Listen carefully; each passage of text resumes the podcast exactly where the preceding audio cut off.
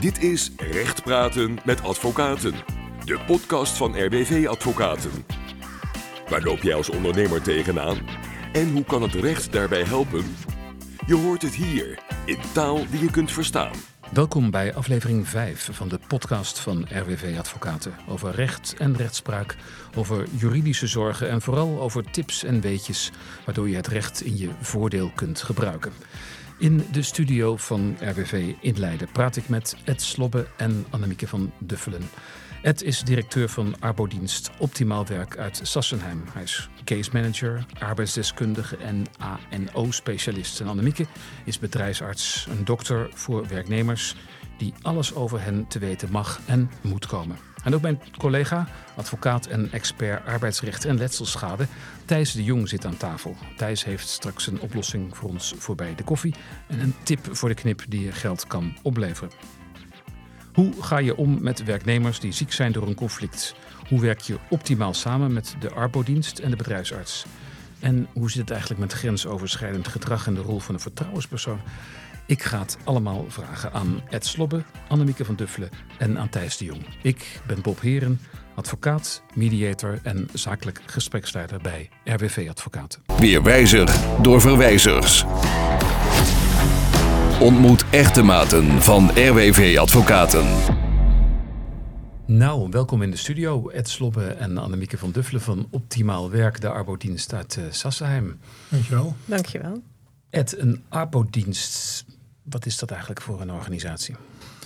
De wetgever zegt dat het een organisatie is van uh, groot maatschappelijk belang. En als je afpelt wat we, wat we doen, dan helpen we eigenlijk werkgevers uh, te voorkomen dat ze stilvallen. Dat ze het werk gedaan krijgen. En werknemers bij arbeidsongeschiktheid aan een zo hoog mogelijk inkomen te helpen tot aan een pensioen. Hmm. Ja, nou, dat is hoog over.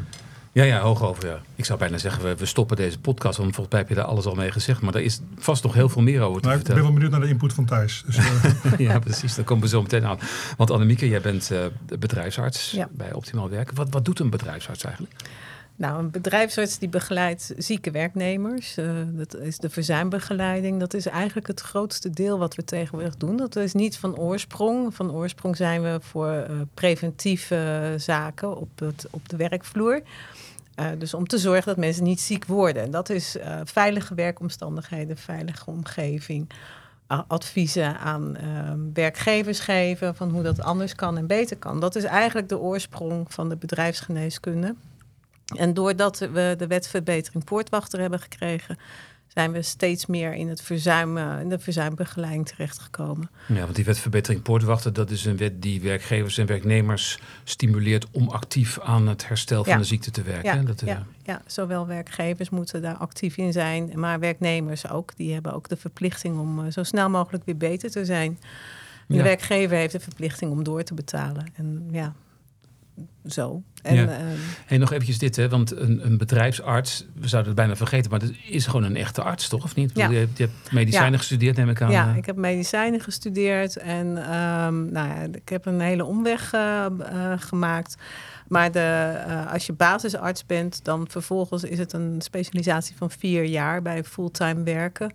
Um, dus dan werk je vier dagen in de week en dan ga je één dag in de week naar de, naar de vervolgopleiding. En ja, je moet stages lopen, onderzoek doen.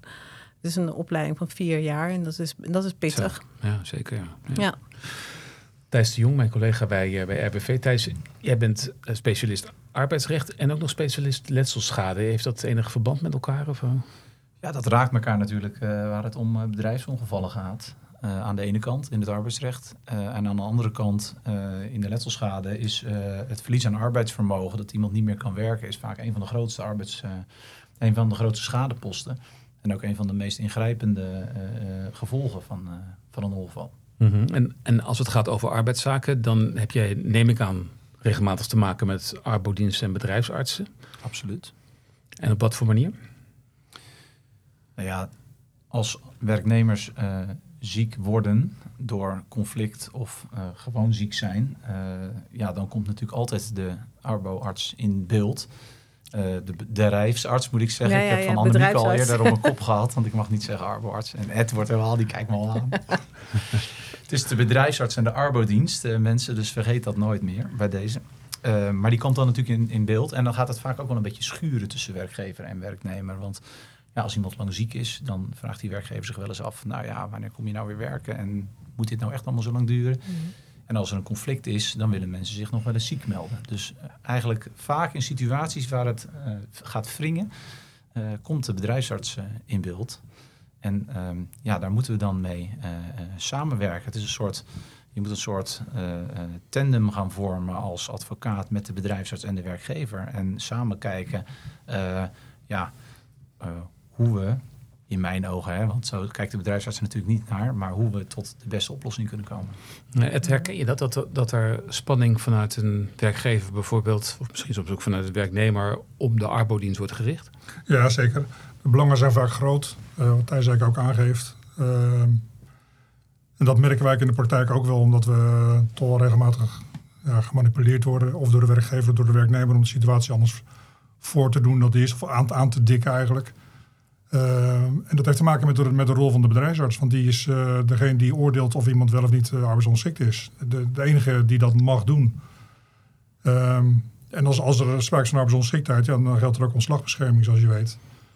Dus is de vraag relevant, kan iemand wel of niet werken? Want als, als je kan werken, dan dat maakt de weg voor nou, jullie advocaten natuurlijk vrij om tot een oplossing te komen. En als iemand zich achter verzuim kan verschuilen, dan, dan wordt het een heel lastig verhaal. Vandaar dat die, die rol van de bedrijfsarts cruciaal is. En dus ook de, de, de informatievoorziening naar die bedrijfsarts toe. Ja, en nou, nou ben jij um, in, in heel veel rollen werkzaam bij, bij Optimaal Werk. Onder andere als, als case manager. Is dat ook een soort bemiddelende functie? Nou, formeel is een case manager een procesbegeleider. Mm -hmm. En in de loop der tijd is die rol wel wat ge, ja, zich meer ontwikkeld, ook als ondersteuner van de bedrijfsarts. Dat hangt van de keuze van de arbeidsdienst af. Wij doen dat niet. We werken niet met wat ze dan noemen gedelegeerde taken. Dus wij uh, hebben wel case managers in dienst. Maar dat zijn echt pure procesbegeleiders die de werkgever en ook de werknemer helpen om de situatie op te lossen. Wel een belangrijke rol op zich hoor.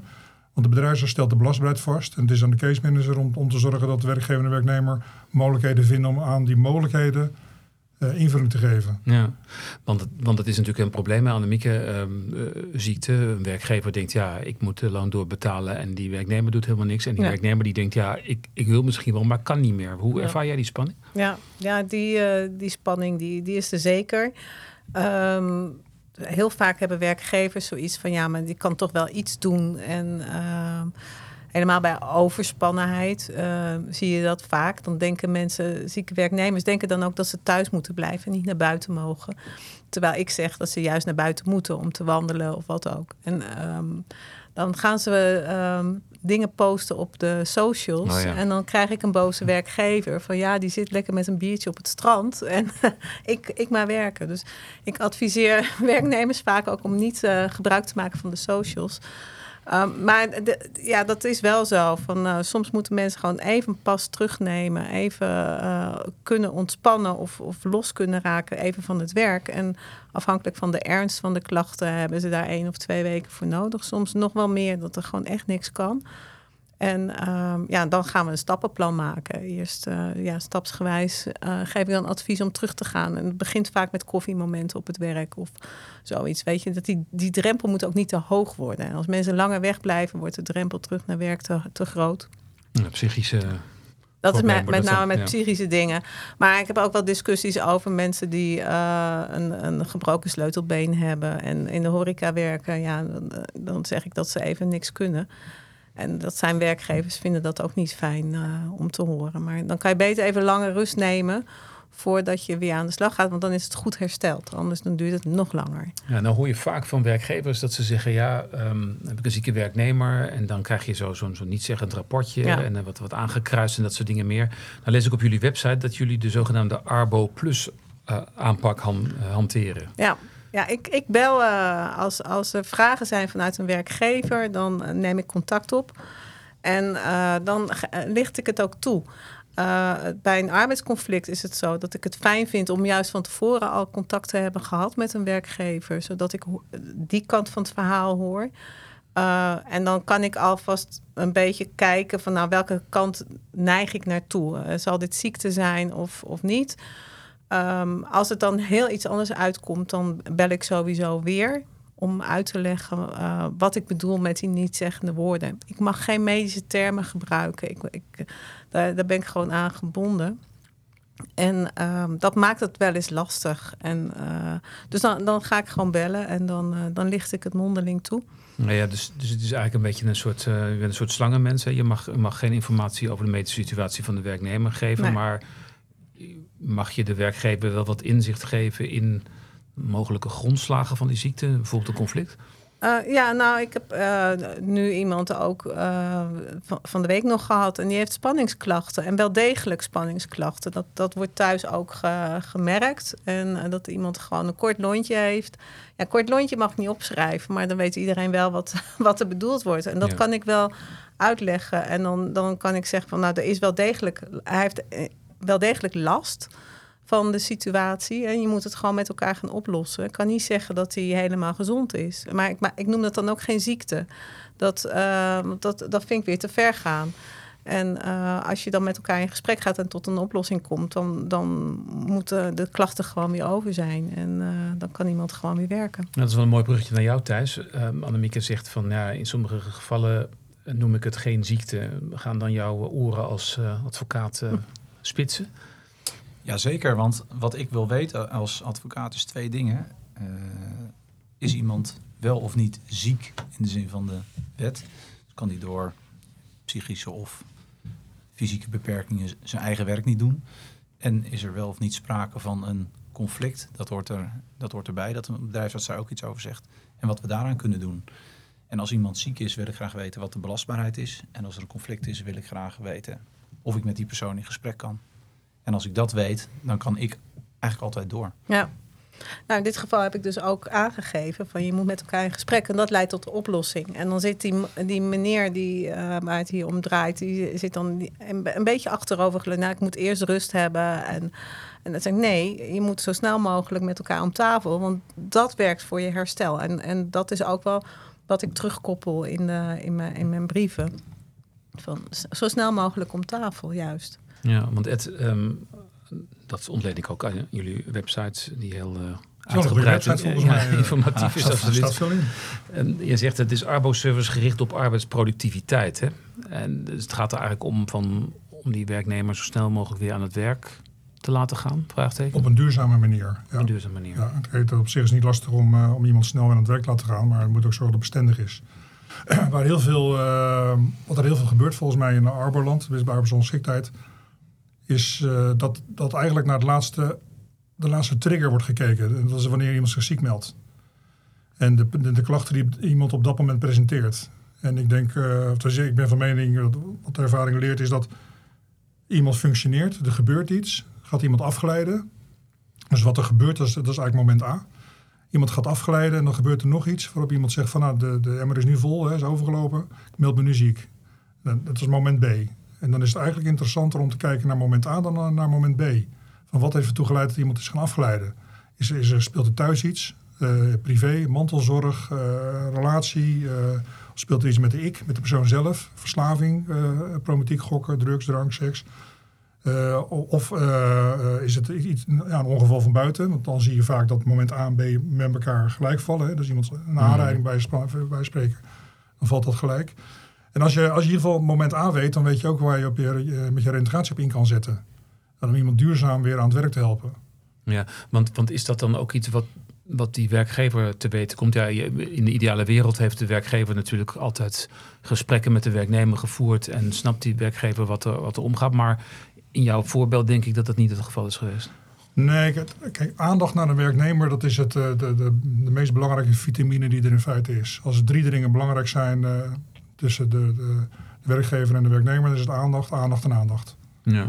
En daar zie je wel eens misgaan. Maar ik merk wel, als je bijvoorbeeld als ik bij, bij werkgevers frequent verzuim uh, doorneem, uh, dat ze eigenlijk altijd wel het verhaal weten te vertellen van wat er dan bij iemand die frequent verzuimd heeft, wat er gebeurd is. Maar dan, dan mist eigenlijk die, die, dat doorpakken naar van oké, okay, uh, hoe kunnen je helpen met de regelmogelijkheden om dat, dat te voorkomen. Dus dan praat je eigenlijk weer over dat afgeleiden. Maar die nee. moeten ook op het, uh, op een, ja, die kan je sturen voor een preventief consult ook naar mij. uh, naar de bedrijfsarts. Naar de bedrijfsarts. Want ik kan veel meer uitvragen en daarin ook adviezen geven. En dat gebeurt weinig. Uh, werknemers weten vaak ook niet dat dat mogelijk is. Het kan ook anoniem. Dus de werkgever hoeft het niet te weten uh, dat, dat een werknemer is langs geweest. Maar ja, dat zijn wel hele belangrijke momenten waarop je kan voorkomen dat iemand langdurig uitvalt.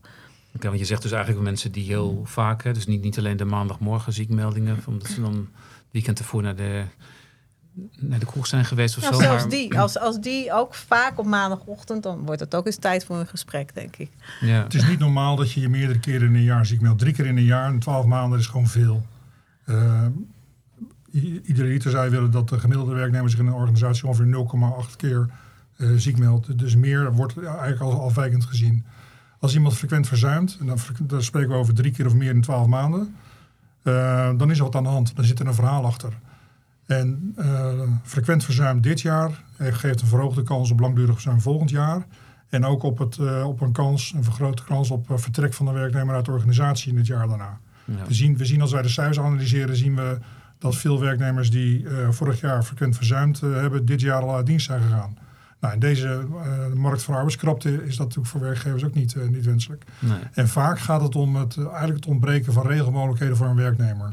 En jullie zeggen dus eigenlijk, hè, dat is eigenlijk de, de, les die je kunt meenemen, dat, dat als mensen zich vaker ziek melden, en dan en zo'n zo drie keer per jaar, dat is in ieder geval een indicator, dan is er iets aan de hand. En als wij dan met zo'n werkgever praten, dan weet die werkgever eigenlijk wel waar het om gaat. Ja. Maar heeft hij nou ja, er niet naar willen kijken of naar willen luisteren? Ja, of niet naar kunnen kijken of, of niet, niet ja, de handvatten gehad om het, het, het accepteren. Uh, terwijl dat lang niet altijd zo hoeft. Oké. Okay.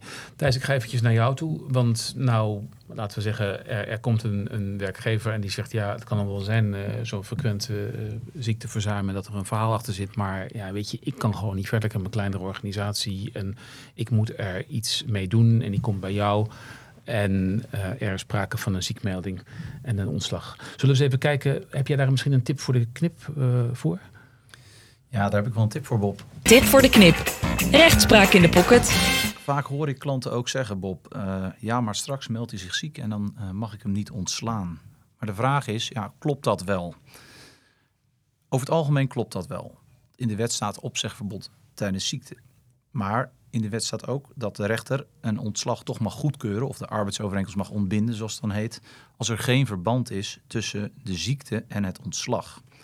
De belangrijkste adviseur van de Hoge Raad, onze hoogste rechter, die heet de advocaat-generaal, heeft die regel pas geleden nog toegelicht. Je moet je namelijk steeds afvragen of er voldoende reden overblijft voor ontslag als je de ziekte wegdenkt.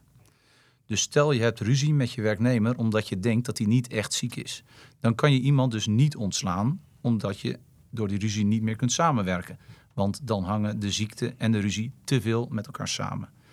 Maar als er al ruzie was voordat die werknemer ziek werd, dus over iets anders dan over die ziekte, dan kan ontslag weer wel. Daar horen twee tips voor de knip bij. Ten eerste, leg moeilijke gesprekken vast, want dat kan ook in een e-mail of een app. Hè? Het hoeft niet formeel. Handtekening van een werknemer is ook niet nodig, zolang je elkaar kan aantonen dat er al iets aan de hand was voordat die werknemer ziek werd. En ten tweede, logisch, doe zaken met een goede arbeidsdienst en een goede bedrijfsarts die met je meedenken, die snel handelen en die duidelijk zijn. Nou, dat lijkt bijna op een reclamespot voor uh, optimaal werk, uh, Thijs. Dat is uh, natuurlijk een beetje ook al. Nou, er zijn natuurlijk meer arbeidsdiensten die goed zijn, hè? dat we wel zijn. Absoluut. Maar we gaan het eventjes hebben over het verhaal wat Thijs hier net vertelde. Een um, beetje ingewikkeld toch wel, denk ik. Hè? Die uitspraken van die Hoge Raad Zeker. zijn niet altijd even makkelijk. Maar Zeker. je zegt dus eigenlijk van als je het conflict los kunt denken van de ziekte... dan kun je als werkgever iets... En ik wil eens vragen aan Annemieke hangt dat vaak met elkaar samen, een conflict en een ziekte? Ja, heel erg. Um, daarom wil ik mensen ook graag heel snel zien. Um, liefst voordat ze bij de huisarts zijn geweest. Want um, als er een conflict is, leidt tot, dat leidt altijd tot spanning. En um, ja, als dan iemand zo gespannen is en niet meer slaapt, en, uh, dan krijg je een overspannen situatie. En uh, als het daarmee naar de huisarts gaan, die zegt dan van ja, neem even twee weken rust. Of, of uh, je moet rust nemen. Zegt eigenlijk nooit twee weken. Gewoon rust nemen. Liefst zo lang mogelijk. Dan denk ik, dat, dat hoor ik dan van de werknemers. En Ja, dus, dus neem rust. Dus dat, heeft de dokter heeft gezegd van je bent overspannen, je hebt een burn-out. En ik denk, ja, dat komt door het conflict. Dus ik probeer in het gesprek het altijd terug te halen naar waar is het nou door ontstaan, die spanningsklachten. Het is logisch dat je heel veel spanningsklachten hebt, uh, maar de basis ligt in het conflict met je baas. En dus dat moet je gaan oppakken. Als iemand dan al. Soms heb je mensen die echt overspannen zijn, niet meer slapen, zitten te trillen als een rietje en uh, echt niks meer kunnen. Dan denk je, nou, die is echt wel ziek. De oorsprong zit in het arbeidsconflict. Dus uiteindelijk moet je wel in gesprek. Maar op dit moment gaat het nog even niet. Dus dan zeg ik ook: neem even een time-out. En dan hoop je dat met één, twee weken dat iemand rustiger is ik zie die persoon ook snel weer terug. Ik wil ze ook altijd zien op het spreekuur. Ik doe dat niet telefonisch. Uh, tegenwoordig is het heel erg in om via Teams of telefonisch uh, je spreekuur te doen. Maar arbeidsconflicten die uh, wil ik altijd zien op, het, op, op, mijn spreekuur. Dus die mensen moeten komen. En um, ja, liefst dus zo snel mogelijk. Zo, zodat ze nog snappen van nou, het, het, het is logisch dat ik nu niet kan werken. Ja, jij zegt dus eigenlijk van soms is het ja, is het een soort onontwaarbare kluwe. Hè? Dat, een, dat een arbeidsconflict, als het arbeidsconflict is opgelost, dan is iemand of beter of die wordt snel of die beter wordt daarna. snel beter. En dat probeer ik ze ook altijd uit te leggen. Ja. Het is lastiger als iemand al een hele tijd op zijn tenen liep... omdat er te, te hoge werkdruk was en dat soort dingen. En van daaruit ontstaat een conflict. Dan wordt het lastiger. Um, maar ik probeer het wel altijd te, uit elkaar te, te halen. Thijs, wat, wat, wat doe jij als je optreedt voor een werkgever en je hebt te maken met een werknemer waarvan je denkt, ja, dat is eigenlijk iemand die gewoon een conflict heeft met zijn leidinggevende en die is, die is misschien wel een beetje ziek ook, hè, wat, wat Annemieke dan zegt, maar um, hoe zorg je er dan voor dat er een oplossing komt? Ja, in de ideale wereld uh, zijn wij al in beeld voor de ziekmelding. Mm. En uh, zorgen we ervoor dat uh, er al een gesprek is gevoerd met de medewerker. Liefst zo constructief mogelijk. Hè. Dus ehm, niet te veel verwijten, maar wel constateringen dat, er, ja, dat het gewoon niet goed gaat in de samenwerking. Werkgever gaat nooit voor niks een gesprek aan. Doet hij omdat hij ja, niet blij is met, met de samenwerking, met, met de output, met de prestaties. In ieder geval dat die werknemer niet presteert zoals die Hè, zoals verwacht. Of het gedrag. Of het gedrag. Um, dus ik zeg altijd, probeer dat gesprek aan te gaan. En uh, ook vast te leggen dat je dat gesprek hebt gevoerd. En als er dan wel een ziekmelding komt, ja, dan zeg ik altijd... Um, ja, soms denk ik wel eens, hou het even bij de bedrijfsarts weg. Maar in feite is de situatie dan zoals die is. Dan gaat hij wel naar de bedrijfsarts uiteindelijk. En de bedrijfsarts is de enige die iets mag zeggen over de vraag ziek of niet ziek. En daar hebben we het mee te doen, hebben we naar te handelen.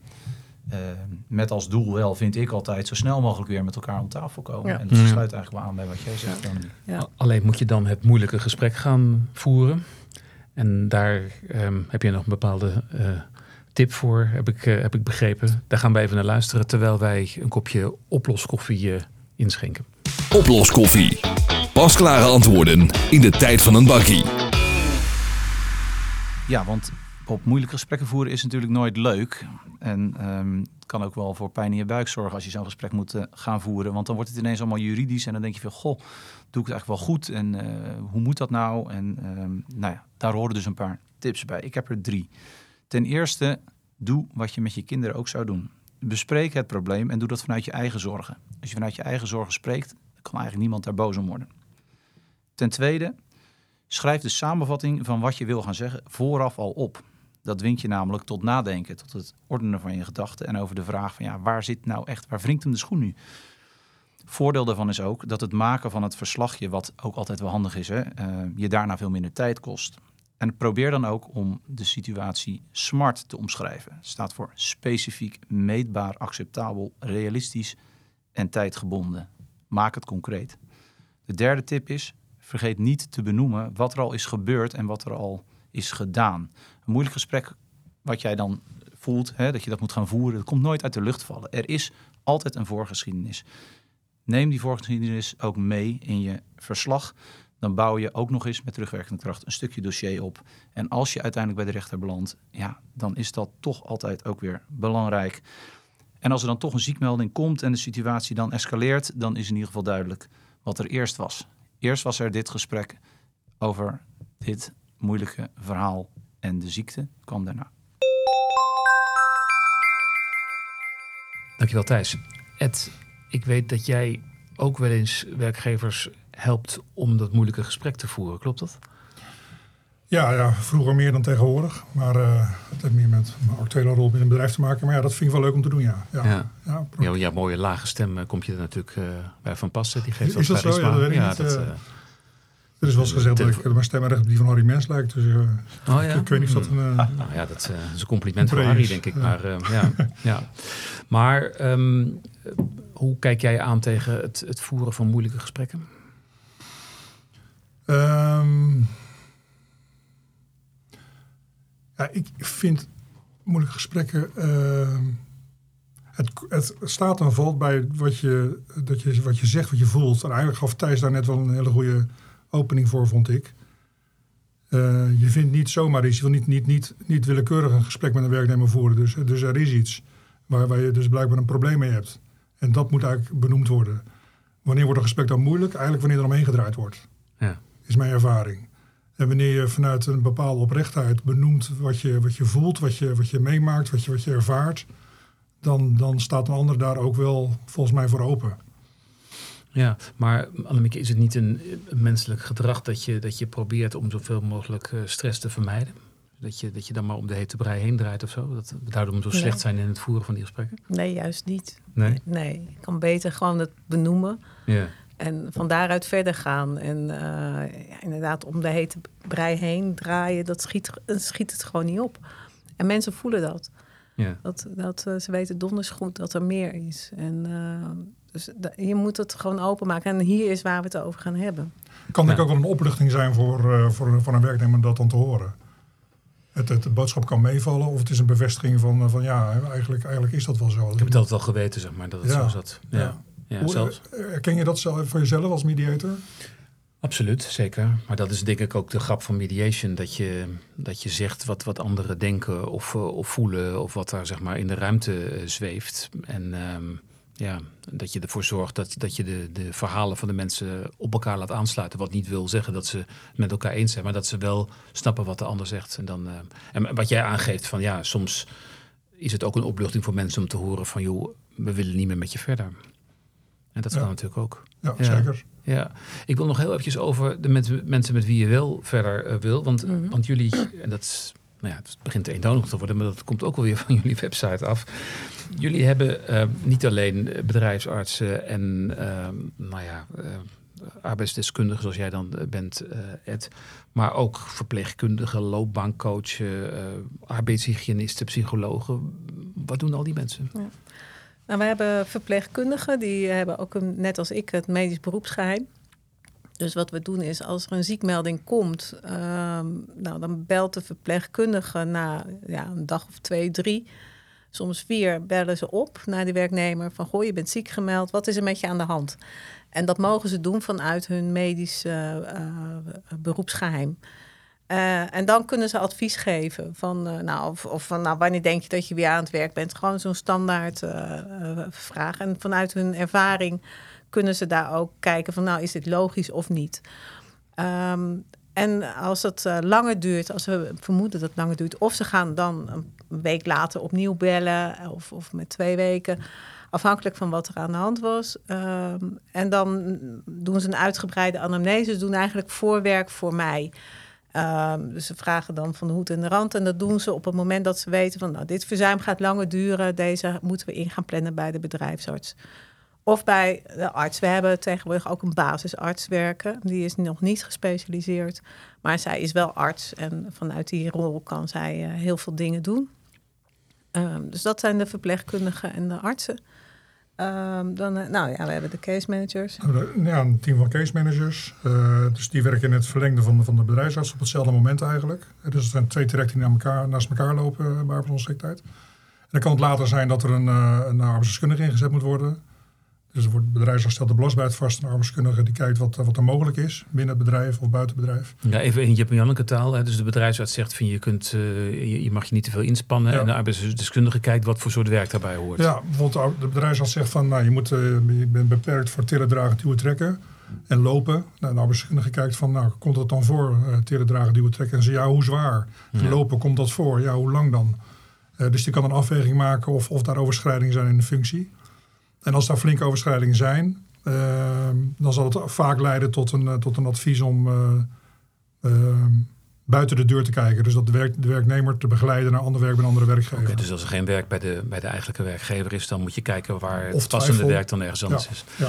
Dus, dus als ik het samenvat, eh, is het niet alleen maar eh formuliertje invullen, handtekening eronder zetten en klaar, maar een hele complete begeleiding Ja. van, van de zieke werknemer naar weer arbeidsgeschiktheid. En al die actoren moeten eigenlijk met elkaar praten. Want Ja. de, de, de, belastbaarheid van de werknemer is vaak fluïde. Ja. Die, die, die verandert in de loop der tijd. Dus wat je idealiter wil is dat, de- dat de, de bedrijfsarts eh, met de case manager praat. Maar ook met de arbeidsdeskundige praat. Als de belastbaarheid echt nog verandert. En zeker ook met de loopbaancoach praat. Nou, en daar wil het nog wel eens misgaan. Ja. Dus dat betekent dat de loopbaancoach op een bepaald traject zit, op een bepaald spoor zit. eh, terwijl dat helemaal niet meer aansluit bij hoe het daadwerkelijk gaat bij die werknemer. Eh, dit, die positie kan juist verslechterd of, of, of juist verbeterd zijn. Ja. Waardoor er meer mogelijkheden zijn. En dan kan je dus ook kansen missen. En dus daar vind ik ook, heb ik de visie van, je moet eigenlijk alles bij elkaar zetten. Daarom hebben jullie al die specialismen bij elkaar gezet en die communiceren wel eh, met elkaar. Ja. Ja. Ja. Jullie samen communiceren ook, eh, begrijp ik. Ja, communicerende vaten. Ja, zeker. Ja, ja. dagelijks. We Ja, hebben de- dagelijks overleg met Ja. de case managers en de verpleegkundigen. Om, eh, Ja. ja. Nog even één korte vraag, want we zitten alweer bijna aan de tijd. Eh, maar Ed, jij eh, had eh, nog niet genoeg te doen, heb ik begrepen. En nu ben je ook eh, binnenkort een vertrouwenspersoon hè, in, ge- in gevallen van grensoverschrijdend gedrag. Kun je daar nog iets over zeggen? Het is natuurlijk een, een, een heel urgent onderwerp tegenwoordig. Ja, het is een, een heel actueel onderwerp. Eh, Ik ben eigenlijk die, die, de rol van vertrouwenspersoon gaan doen, omdat ik verwacht dat dat verplicht gaat worden. Eh, dus, in, dus in die zin eh, nou, heb ik ook gezegd, nou dan moeten wij ook, ook die, die aansluiting als dat verplicht wordt vanuit onze arbeidsdienst aanbieden. Ik vind dat een vrij natuurlijke rol vanuit de arbeidsdienst. Eh, maar er is ook een andere reden. Ik ben ook in de eindfase een opleiding voor arbeids- en organisatiedeskundige. Dat is een specialist op het gebied van eh, psychosociale arbeidsbelasting. Waar werkdruk onder valt, maar ook ongewenste omgangsvormen. Oké. En dat is ook het, het vakgebied van de vertrouwenspersoon. Nou zit de vertrouwenspersoon aan het eind van het traject. Hè. Het heeft zich al voorgedaan. Iemand heeft er een vraag over en die moet onafhankelijk eh, geholpen worden. Zonder de regie te verliezen. Dat is wat de vertrouwenspersoon doet. En als arbeids- en organisatiedeskundige kijk je eigenlijk van hoe kan binnen de organisatie eh, de kans zo veel mogelijk verkleind worden dat, dat uh, zich voor gaan doen. Ik kan het Ja. nooit helemaal uitsluiten, maar je, je kan wel ja, het op een bepaalde manier inrichten om de kans echt te verkleinen. En dat is dat vakgebied. En dat staat ook weer mooi aan bij jullie filosofie als arbodienst om te zeggen van arbeids... ehm, nou, niet alleen arbeidsconflicten, maar ook ziekte op het werk moet je eigenlijk proberen zoveel mogelijk te voorkomen hè, door duurzame inzetbaarheid van, eh, van werknemers. Iedereen Ja. heeft recht op een eh, veilige werkplek. Ja, Ja, dus dat is in de wet, de wet geborgd. Eh, en daar is een arbeidsdienst ook voor bedoeld. Eh wet, Ja. Daar liggen de wettelijke taken. Nou, wij proberen dat serieus op te pakken. ja, dat is wel jammer voor jou Thijs, want dan, dan komen er helemaal geen geschillen meer en heb je niks te doen. Maar je hebt altijd geschillen. toch? De geschillen zullen wel blijven. De, de ziekmeldingen zullen, als het goed is, eh, beperkt worden, Bob. Dus ik denk dat we er baat bij hebben. En ehm, eh, dat het eh, ja, de boel weer terugbrengt tot de kern waar het om gaat. En dat is samenwerken. Oké. Annemieke van Duffelen, Ed Slobbe, Thijs de Jong, ontzettend bedankt. Dankjewel. Geen dank. Dank je, Bob. Dit was Recht Praten met Advocaten, de aflevering 5 met Ed Slobbe, directeur van Arbodienst Optimaal Werk, die daarin zelf ook actief meedoet. Als deskundige op het gebied van arbeid en organisatie en vooral als verbinder van werkgever en werknemers. Wat soms ook betekent dat die partijen begrijpen dat het beter is om niet samen meer verder te gaan. Verder met bedrijfsarts Annemieke van Duffelen, die bepaald niet houdt van stilzitten, maar die energiek op zoek gaat naar een oplossing die goed is voor werkgevers en werknemers. Omdat die partijen er door de open benadering van Annemieke achterkomen wat voor hen echt belangrijk is. En met Thijs de Jong, een bevlogen advocaat en een meester in de theorie van het recht, waarna hij die kennis efficiënt en voordelig voor zijn klanten kan inzetten. Bijvoorbeeld als je slecht nieuws moet brengen of als je wil denken aan ontslag in gevallen van ziekte en conflicten.